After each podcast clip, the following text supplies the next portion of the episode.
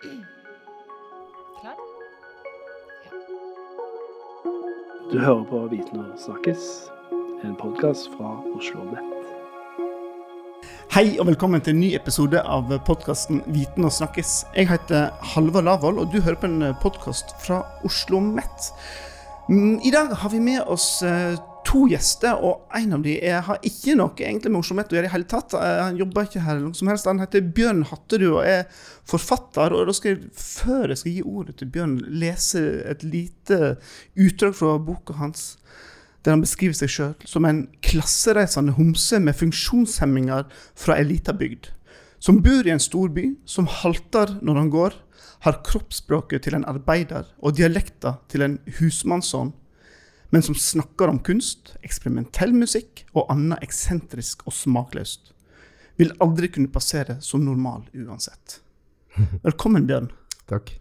Det var en hva skal en si, en, en veldig ærlig, kanskje, eh, litt morsom eh, presentasjon av, av deg sjøl. Du var liksom, skal jeg si, jeg meg sjøl kokt inn i noen linjer, ja. Fortell litt om det, der, eh, det utdraget jeg. Det er en bok som eh, er blitt mye lest. ja, eh, for halvannet år siden så kom jeg med en eh, relativt liten eh, sjølbiografisk eh, essaysamling, må man kunne si, som het no Mot normalt, som er i femte opplag nå, hvis jeg ikke tar helt feil. Um, og er eh, Som da kom i eh, Samlaget sin Norsk Reiendom-serie. Og uh, i den boka så Altså, oppdraget fra Samlaget var å skrive en bok om kropp. Og da tenkte jeg at jeg kunne ta utgangspunkt i min egen kropp. Uh, og det ble da en fortelling om åssen jeg ser på det å ha en annerledes kropp. Jeg er født med en form for ryggmargsbrokk og klumpfot og ymse annet. Åssen jeg så på det som et utgangspunkt for å kunne finne frigjøringsstrategier i livet. Og kunne bli den personen jeg ønsker å bli. I år så har jeg kommet med en ny bok som heter 'Mjøsa rundt med mor', som tar tak i mye av sånn problematikken. Det er også mitt liv som er eh, skal jeg si Det er ikke det som er tema, men det er kanskje det som er motivet. Temaet er mer det å eh, bli prega av en oppvekst, prega av en bakgrunn, og det å være gitt et utgangspunkt i livet, enten det er en kropp eller en oppvekstplass eller en seksuell legning, og så gjøre noe ut av det. Mm. Spennende. Og min, min andre gjest, Per Koren Solvang, du er professor på uh, jobber på Institutt for fysioterapi. Velkommen. Takk. Du, du Per, hvorfor uh, måtte vi invitere Bjørn med her eh, når du skulle være gjest i podkasten? Hva er det, ditt forhold til Bjørn? Først og fremst så er det jo at han har skrevet uh, to bøker uh, der han uh, forteller sin historie. Og gjennom å fortelle sin historie som klassereisende, som homofil og som funksjonshemmet, så eh, får vi på en måte et eh, innblikk i hvordan livet leves av de menneskene som eh, vi her på helsevitenskap utdanner folk som jobber med.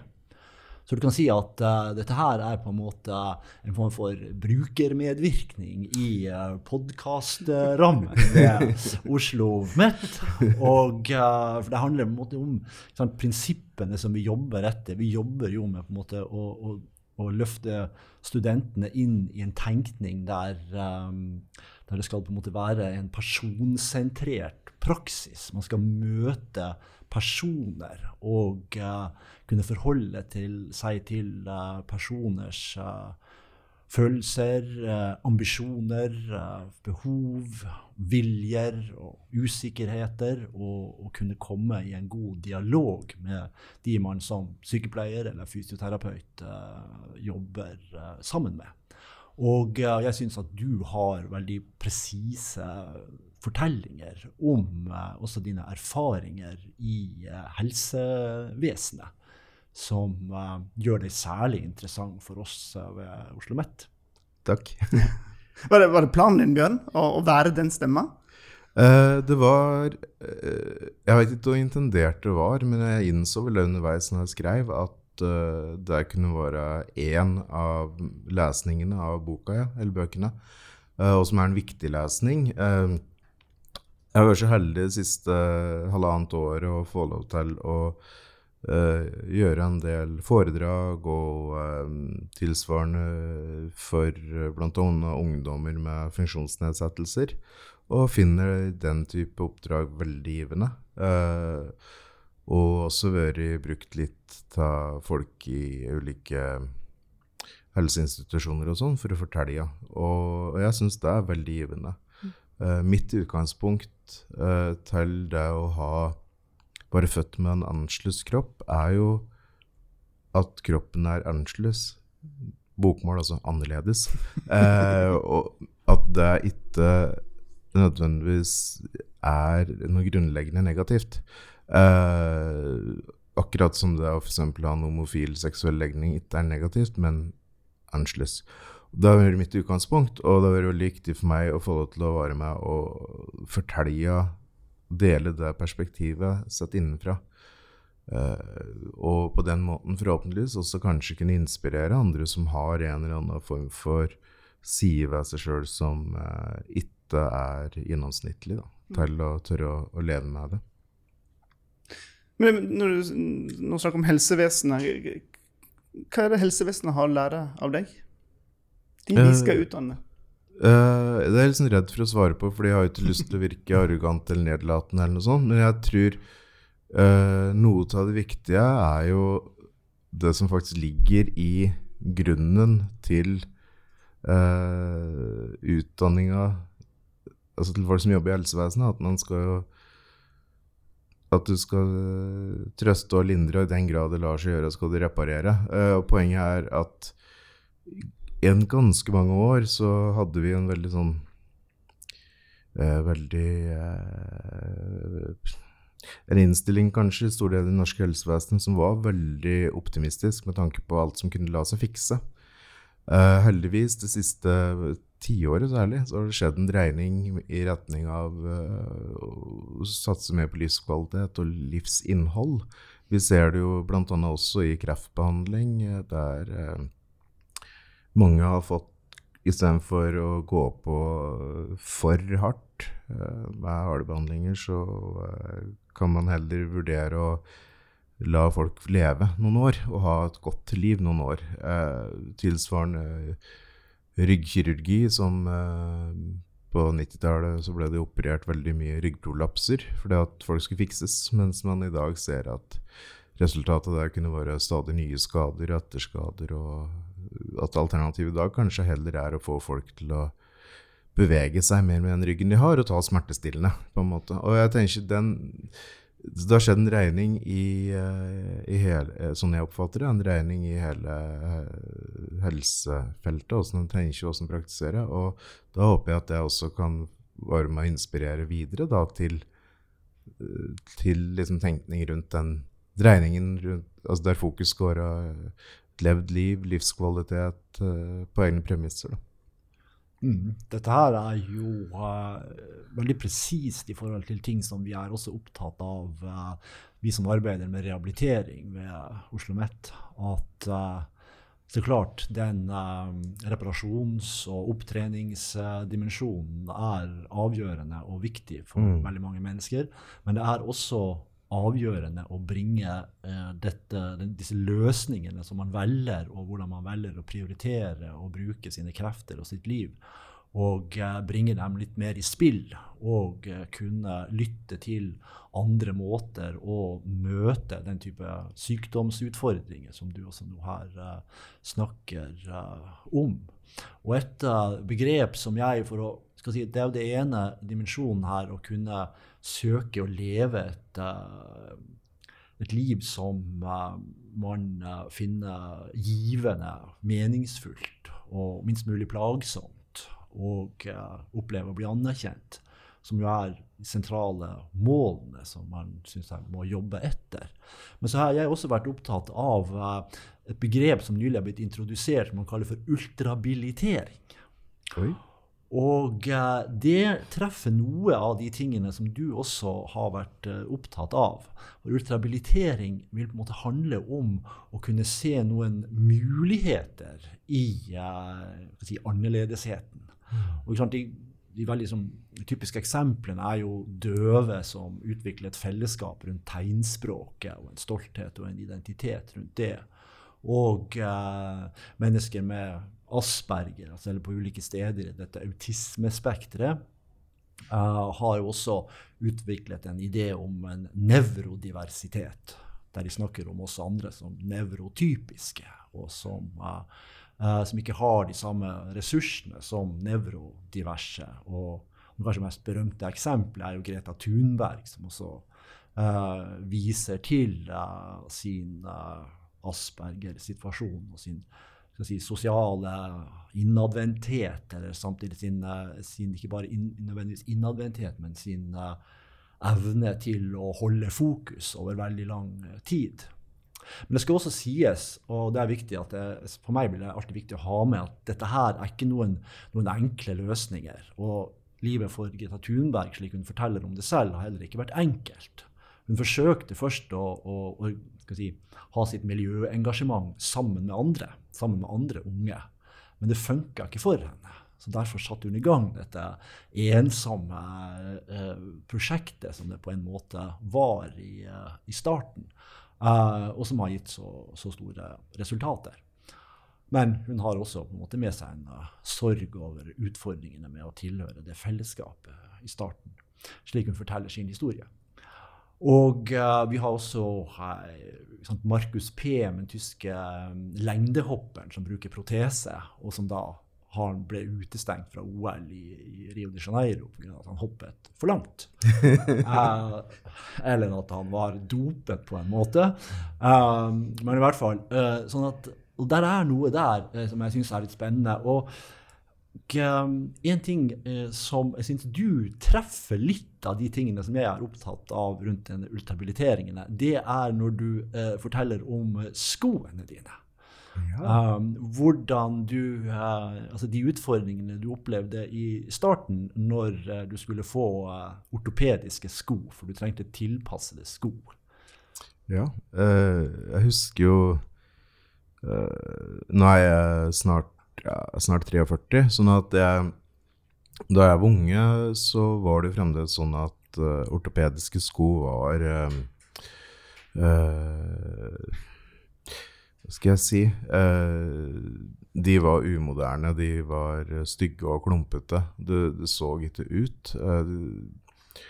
Sånn at da jeg ble fortalt når jeg var sånn rundt 20 at jeg måtte begynne med ortopediske sko pga. stadig sårdannelser på beinfoten og sånn, så gikk jeg skikkelig i kjelleren, for jeg tenkte det her uh, blir jo ikke bra i det hele tatt. Det her uh, Nei, jeg syns det var trist. Uh, men så var jeg så heldig at jeg fikk en ortopeditekniker som var veldig flink til å hjelpe meg med å finne en helt annen tilnærming til det å ha ortopedsko. sko. Uh, ortopediske sko vil Altså, det finnes to typer. Det ene er jo på en måte er jo ferdigsydde ortopediske sko, men i mitt tilfelle så er det slik at man må sy sko som passer føttene. Og det sistnevnte tilfellet så er jo uh, mange strategi fremdeles at de skammer seg over å ha ortopediske sko, sånn at de ønsker da å ha sko som ser så normale ut som mulig. Uh, men den type ortopediske sko er jo egentlig, bare hvis du vrir blikket litt, så er det jo egentlig håndsydde designsko. Uh, sånn som folk uh, drar til utlandet for å kjøpe seg. Sånn som koster minimum 10 000, og gjerne over 20 000 for et par. noe de også faktisk gjør å sy i Norge.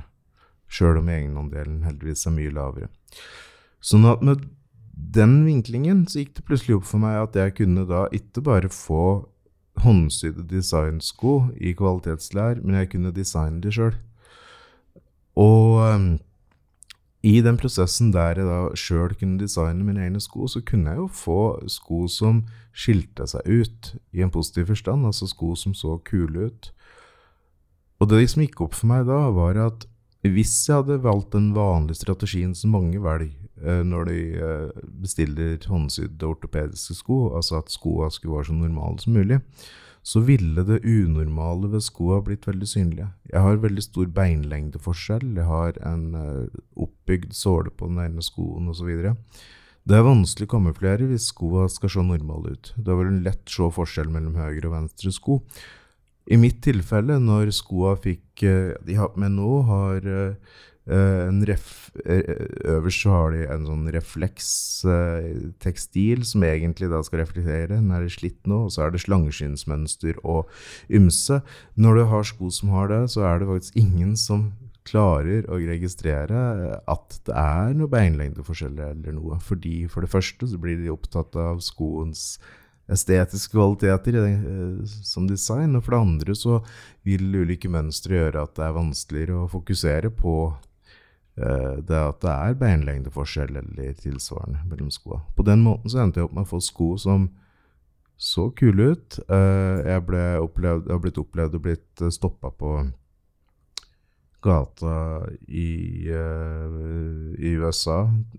Tror New York og San Francisco tror det var. Jeg ble stoppa av folk som ville vite merket. Uh, og jeg har også blitt forsøkt kjøpt skoa av, bokstavelig talt, Brynløkka for en del år siden. Sånn at, uh, så det var en veldig vellykket strategi, og det Det er klart det er jo til alle tilpasninger eller annerledesheter som lar seg gåsehudene kamuflere eller bli gjort kule sånn.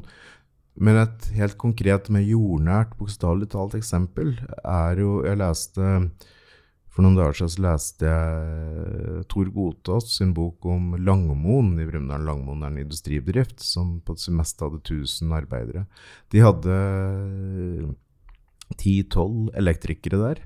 Og en del av det elektriske anlegget lå i såkalte kulverter nede i bakken. Og problemet der var hvis strømmen gikk, så gikk lyset i kulverten der elektrikeren skulle jobbe. Og da tenker jeg, hvorfor ansatte de da ikke en blind elektriker? Som jo ikke ville ha merka om det lyset hadde gått. Som da kunne gjort jobben like godt uten lys. Det er jo også en, en måte å tilnærme seg det der med en funksjonsnedsettelse som noe potensielt positivt. Mm. Ja som uh, gir en uh, mulighet. Men uh, du forteller jo også måte, historier. For her, de skoene dine og historien om den er en form for altså, suksesshistorie, mm. der du lykkes i å vri disse utfordringene med den stusslige annerledesheten til noe elegant og feiret. Men du altså vi, jeg og mine kolleger er jo også opptatt av um, barn og habilitering og inkludering i uh, skolen. Mm. Og et par av mine kollegaer har særlig vært opptatt av gymundervisningen. Mm. Og hvordan den blir organisert, hvordan barn med funksjonshemminger blir uh, møtt uh, der. Mm.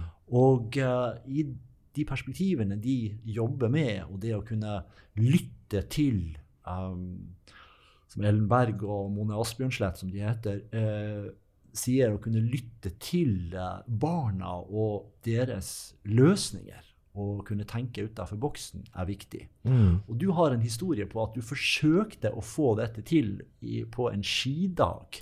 Ja. Uh, det er jo sånn at uh, uh, den potensielle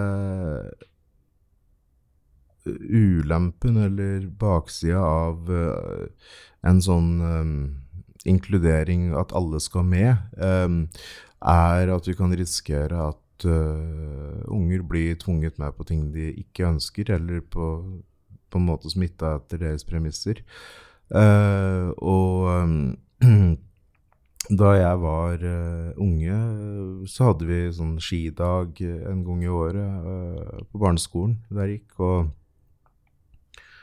det er faktisk litt, litt sårt å prate om. Da var det sånn at de andre elevene i klassa, vi var elleve i klassa, de andre ti gikk en uh, lengre tur innover jordet og sånn, uh, opp gjennom mot skauen.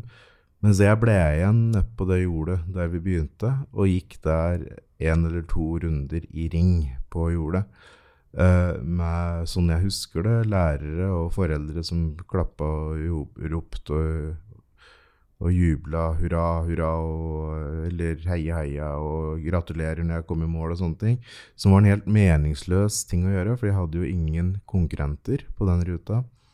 Eh, jeg opplevde det som veldig ydmykende. Det var tungt og vondt for meg å gå på ski. Jeg hadde dårlig kontroll over høyrefoten min og igjen beinlengdeforskjell og ryggskader. Eh, og i tillegg så var jeg veldig overvektig som unge eh, etter en uh, feilbehandling, rett og slett. Sånn at jeg var da veldig overvektig jeg var etter hvert. Jeg var uh, jeg halta, jeg hadde vanskelighet med styrebeinet, og jeg skulle da gå på ski med publik, av publikum rundt. Uh, og så, for å gjøre ydmykelsen komplett, så var det jo selvsagt premieutdeling seinere, der jeg da ble plassert i en egen klasse eh, på et skjema der de andre ti i var på ett ark, så var jeg på et eget ark, og jeg var da sjølsagt vinneren i min klasse. Problemet her er jo ganske åpenbart at for meg så var det å gå på ski kanskje det som gjorde meg mest usikker i hele verden. Og det å skulle gjøre noe som gjør deg fryktelig usikker og skamfull framfor en mengde andre folk, og samtidig blir framhevet som en eh, en veldig At det liksom var en seier at jeg gjorde det. Altså det, det, var så Det var så vondt, og det var så ubehagelig. Og eh, mora mi og jeg, vi tenkte ut andre ting jeg kunne gjort den dagen i stedet. Uh, kanskje jeg kunne blitt tidtaker, eller jeg, kanskje jeg kunne skrevet en gratulasjonstale til vinneren. Hva som helst, egentlig. Fordi jeg var uh, språklig sett sterk og uh, intellektuelt sett relativt oppegående, mens det å gå på ski var jo noe jeg overhodet ikke fikk til. Um, men da var det altså sånn at det å kunne briljere på et punkt for meg var nok en uh, fremmed tanke for de ansatte på skolen. Da var det lettere å la meg ydmykes framfor andre. Tilsvarende så ble jeg jo tatt ut av, av noen av de favorittfagene jeg hadde på barneskolen, for å ha ekstra gym i et grupperom ved sida av, der jeg da ble tatt ut av de fagene der jeg var over snittet god. Um, for å gjøre noe som jeg har sleit med, som var veldig vanskelig for meg. På den måten fikk jeg igjen følelsen av at det for meg å være spesielt god i noe var eh, negativt, og at man skulle fokusere på det jeg da ikke fikk til. Um, jeg forstår at intensjonene var fryktelig gode. Um, at de da skulle løfte meg på de punktene der jeg ikke fikk til ting, og at de tenkte at der jeg var god, trengte jeg ikke å løftes mer. Mm. Uh, men jeg tror det er mange av oss som har en eller annen funksjonsnedsettelse, opplever, er at det er godt å få lov til å kompensere på andre områder. Hvis det er noe vi ikke får til, så, er jævlig, så er vi faktisk utrolig klar over at vi ikke får til det. Vi veit det. Men det å da få lov til å utvikle noe som vi får til, og gode på, det er veldig viktig, tror jeg, for ganske mange. Og, og jeg opplevde vel da den situasjonen som at uh, jeg ble stoppa i å utvikle noe som jeg var god på. Mm. Uh, og jeg tenker at tilbake til den, uh, det arbeidet som, som du, Per, prata på, så tenker jeg at det å inkludere elevene på en sånn måte at de da kan f.eks. bruke sin kreativitet, bruke, bruke sin kropp osv. Eh, på, eh, på en måte som eh, ikke føles ydmykende ut, det er jo gull, altså. Mm. Nei, jeg tror også det er um, deres poeng og at uh, gymlærere i dette tilfellet her kan være for opphengt i sin egen personlige kroppslige glede av uh, fysisk aktivitet. Mm. Og ikke på en måte kunne utvide eller tenke annerledes om kroppslig aktivitet. Mm. Og, um, og, det bringer meg også egentlig over på en, et um, arbeid som uh, mine kolleger uh, Synne Groven og uh, Tone Dahl Michaelsen har gjort. For de har um, gjort en liten undersøkelse av to sånne fortellinger som du har skrevet. Du har på en måte to bøker som er knytta til din fortelling. Ja. Uh, de har um, analysert uh, to andre fortellinger. Um, den ene er uh, av uh, Geir Hellemo, som har skrevet en ganske kort tekst om sin egen erfaring med ALS, altså en nevrologisk sykdom der kroppen brytes ganske fort ned. Men poenget er uh, fysioterapi. Begge disse mine kolleger er fysioterapeuter. Mm. Og Hellemo er veldig opptatt av at fysioterapi er noe han setter stor pris på å få. Uh, det er nærmest så endorfinene strømmer med fysioterapien. Men det er ingen evidens for at fysioterapi virker uh, på denne ALS-styrte uh, prosessen der kroppen svekkes. Det er ikke noe vits med fysioterapi, ifølge liksom, visse måleenheter. Og så har de holdt dette opp mot uh, Jan Grue, som jo også er en av de uh, norske funksjonshemmede som har uh, skrevet sin historie med et visst analytisk blikk. Og han forteller egentlig den omvendte historie. Han har fått mye fysioterapi. Likheten i historien er for så vidt den at det er jo også veldig tvilsom evidens hvor mye fysioterapien virker mot den type uh, muskelsykdom som Grue hadde. Det var en stor usikkerhet rundt hele hans sykdomssituasjon, slik han forteller det. Men i hvert fall mye fysioterapi tenkte man det var trygt å gi. Uh, men han opplevde dette som en uh, Han innså etter hvert at dette er jo et, uh, bare et plagsomt ritual. Mm. Og litt av det samme poenget som du hadde også her i starten. at jeg er liksom ikke interessert lenger i å, å, se på kroppen min som noe som skal repareres. Mm. Så det er noe der med, med sånn, Konklusjonen da, til Groven og Michaelsen er jo at betydningen av å være i dialog med de menneskene som fysioterapeuten møter, og man stiller spørsmålet kan, kan du ha nytte av fysioterapi, så er det utrolig viktig å, å komme inn i en dialog. Og det er litt av den dialogen som du um, også um, tar opp her. At um, du og din mor sant, hadde noen ideer om uh, hva du kunne gjøre uh, mm. isteden. Å kunne delta og, og være en, uh, oppleve deg selv som en aktiv deltaker i uh, denne skidagen. Og, og rundt den og kunne eksellere du også. Og på en måte få en ordentlig førsteplass i å mm, skrive mm. talen. Uh, organisere uh, tidtagningen. Um, men det er også et poeng jeg vil også egentlig lirke meg frem til her nå, og det er denne type bøker og denne type fortellinger som du har, som også er en form for selviscenesettelse, eller en mm. bestemt versjon av historien. da. Mm. Uh, for jeg også i, på instituttet på fysioterapi så uh, var Jan Grue gjest, og jeg spurte han om dette. Men, men jeg, eh, fysioterapeutene de kom jo forferdelig dårlig ut i denne boka di. Mm. Og ja, nei, han hadde jo hatt mange gode opplevelser med fysioterapeuter, men han hadde ikke skrevet om dem. Um, og det er noe der med at det er noen bestemte typer historier man, um, man løfter frem og lager en bestemt uh, plott. Ja.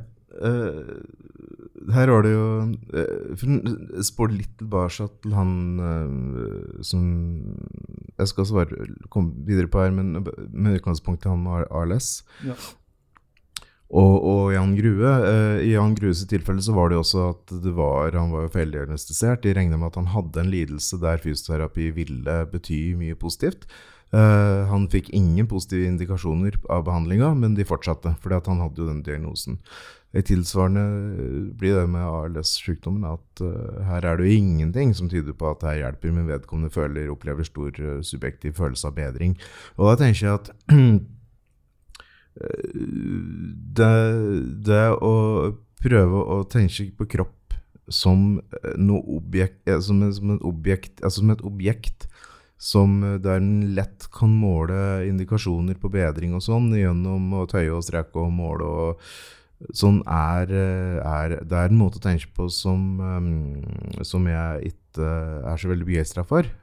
Fordi at Uh, mye av kroppsopplevelsen vår sitter jo i hjernen. Altså det, det sitter i en sånn, det komplekse nøstet av uh, uh, sansing og fortolkning av sansing. Altså den umiddelbare fortolkningen av sansing. Og eh, våre tanker rundt vår fortolkning av sanseopplevelser. Hvis eh, en ALS-sjuk har en sanseopplevelse som er svært behagelig, og en kropp som tolker sanseopplevelsene som behagelige, og at en så får en forståelse av at det her gir meg bedring, så tenker jeg at uh, det i seg sjøl er bedring, sjøl om du ikke nødvendigvis kan måle det i muskelendringer på kroppen. Og tilsvarende med motsatt fortegn, Jan Grue sin fortelling. Og når det gjelder det, alt det her koker jo ned til åssen narrativen setter opplevelser i.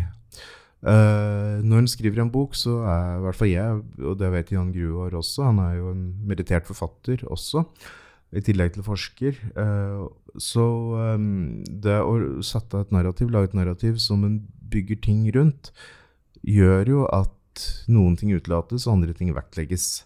Uh, sånn er det alltid når man skriver bøker. Men sånn er det også når vi forholder oss til vårt eget liv. Hvis jeg hadde forholdt meg til mitt eget liv og min egen kropp som et evig oppussingsprosjekt som jeg aldri ble ferdig med, da ville jeg få et forhold til min kropp som jeg vet ikke om du har sett på Sinnasnekkeren noen gang? Eh, det er et sånt TV-program der folk pusser opp 20. året på rad, og så kommer de inn, og, og de er i ferd med å gå fra hverandre og begår selvmord. og og pådra seg rusavhengighet og spiseforstyrrelse pga. det huset som aldri blir ferdig. Eh, og så kommer da en sint snekker inn og fikser det. Eh, jeg, jeg, har ingen tro på at det kommer en sint snekker inn og fikser min kropp. på en måte. Og jeg har ingen planer om å gå rundt i en evig frustrasjon over at ting ikke er reparert, sånn at jeg ender opp med å få det vondt. Med den innstillingen, og den innstillinga at det å ha en annerledes kropp eller et annerledes utgangspunkt i livet, at det kan være positivt, så kan jeg da ha en subjektiv opplevelse av at livet er bra. Sjøl om noen, kanskje f.eks. en litt gammeldags tenkende fysioterapeut, kan komme og si at ja, men du har feilstilling i kneet, eller du uh, Eller det her uh, har du en anspenthet i muskelen som vi kan fikse. Altså det her uh, Og så videre. Jeg, jeg tenker at det primære må jo være det livet som vi lever hver dag, og som blafrer av gårde, og som øh, plutselig er over, at det har vært bra. Øh, og hvis en går rundt og opplever sin egen kropp som et evig oppussingsprosjekt, så har i hvert fall ikke jeg det bra. Um, og sånn at det er på en måte den innstillingen som former min bok, eller mine bøker, og mine tanker rundt det å ha en annen kropp. Men jeg forstår jo veldig godt hvis folk heller Eller hvis folk ender opp med å føle seg avmektig, eller føle bitterhet, eller å føle seg sosialt stigmatisert over å, å, å være annerledes. Jeg har ingen problemer med å forstå det, for det er på en måte det som er litt sånn default-settingen. Det er jo det narrativet også vil bli servert rundt folk med funksjonsnedsettelser i film, bøker og sånne ting. Ofte. Ikke de to tilfellene du nevnte, men ofte ellers. At uh, livet kunne vært bra, og så skjedde det noe fælt, og da ble livet dårlig. Og hadde ikke det som skjedde, skjedd, så ville livet blitt bra. Og takket være at kroppen fikk en forandring, eller noe, så blir livet dårlig. Uh, det er en sånn form for sånn innlært narrativ som sitter så i oss. Og i den grad jeg har gjort noen utvelgelser i boka og sånne ting, og valgt bort fine eller uh, vonde ting, og heller da vektlagt motsatte, så har jo det vært en litt bevisst strategi fra meg for å prøve å knuse noen av de etablerte narrativa. Mm. En ting uh, som både jeg og mange andre har vært opptatt av i den første boka di, er eh, denne fortettede formuleringen eh, som der du siterer din mor, som sier Jeg er så utrolig glad for at du fikk funksjonshemmingene dine, for uten deg hadde du kanskje blitt igjen i Brumunddal og jobba på Posten eller noe slikt. Og uh, her henviser jo måte, din mor til, slik jeg tolker det, og vel kanskje du også antyder, et slags mulighetsrom som har åpnet seg for deg og uh, du viser jo også til uh, din opplevelse av uføretrygden som et mulighetsrom. Mm. Og uh, Raymond Johansen sa nylig til uh, Dagsavisen at retten til arbeid er like viktig som retten til uføretrygd. Mm.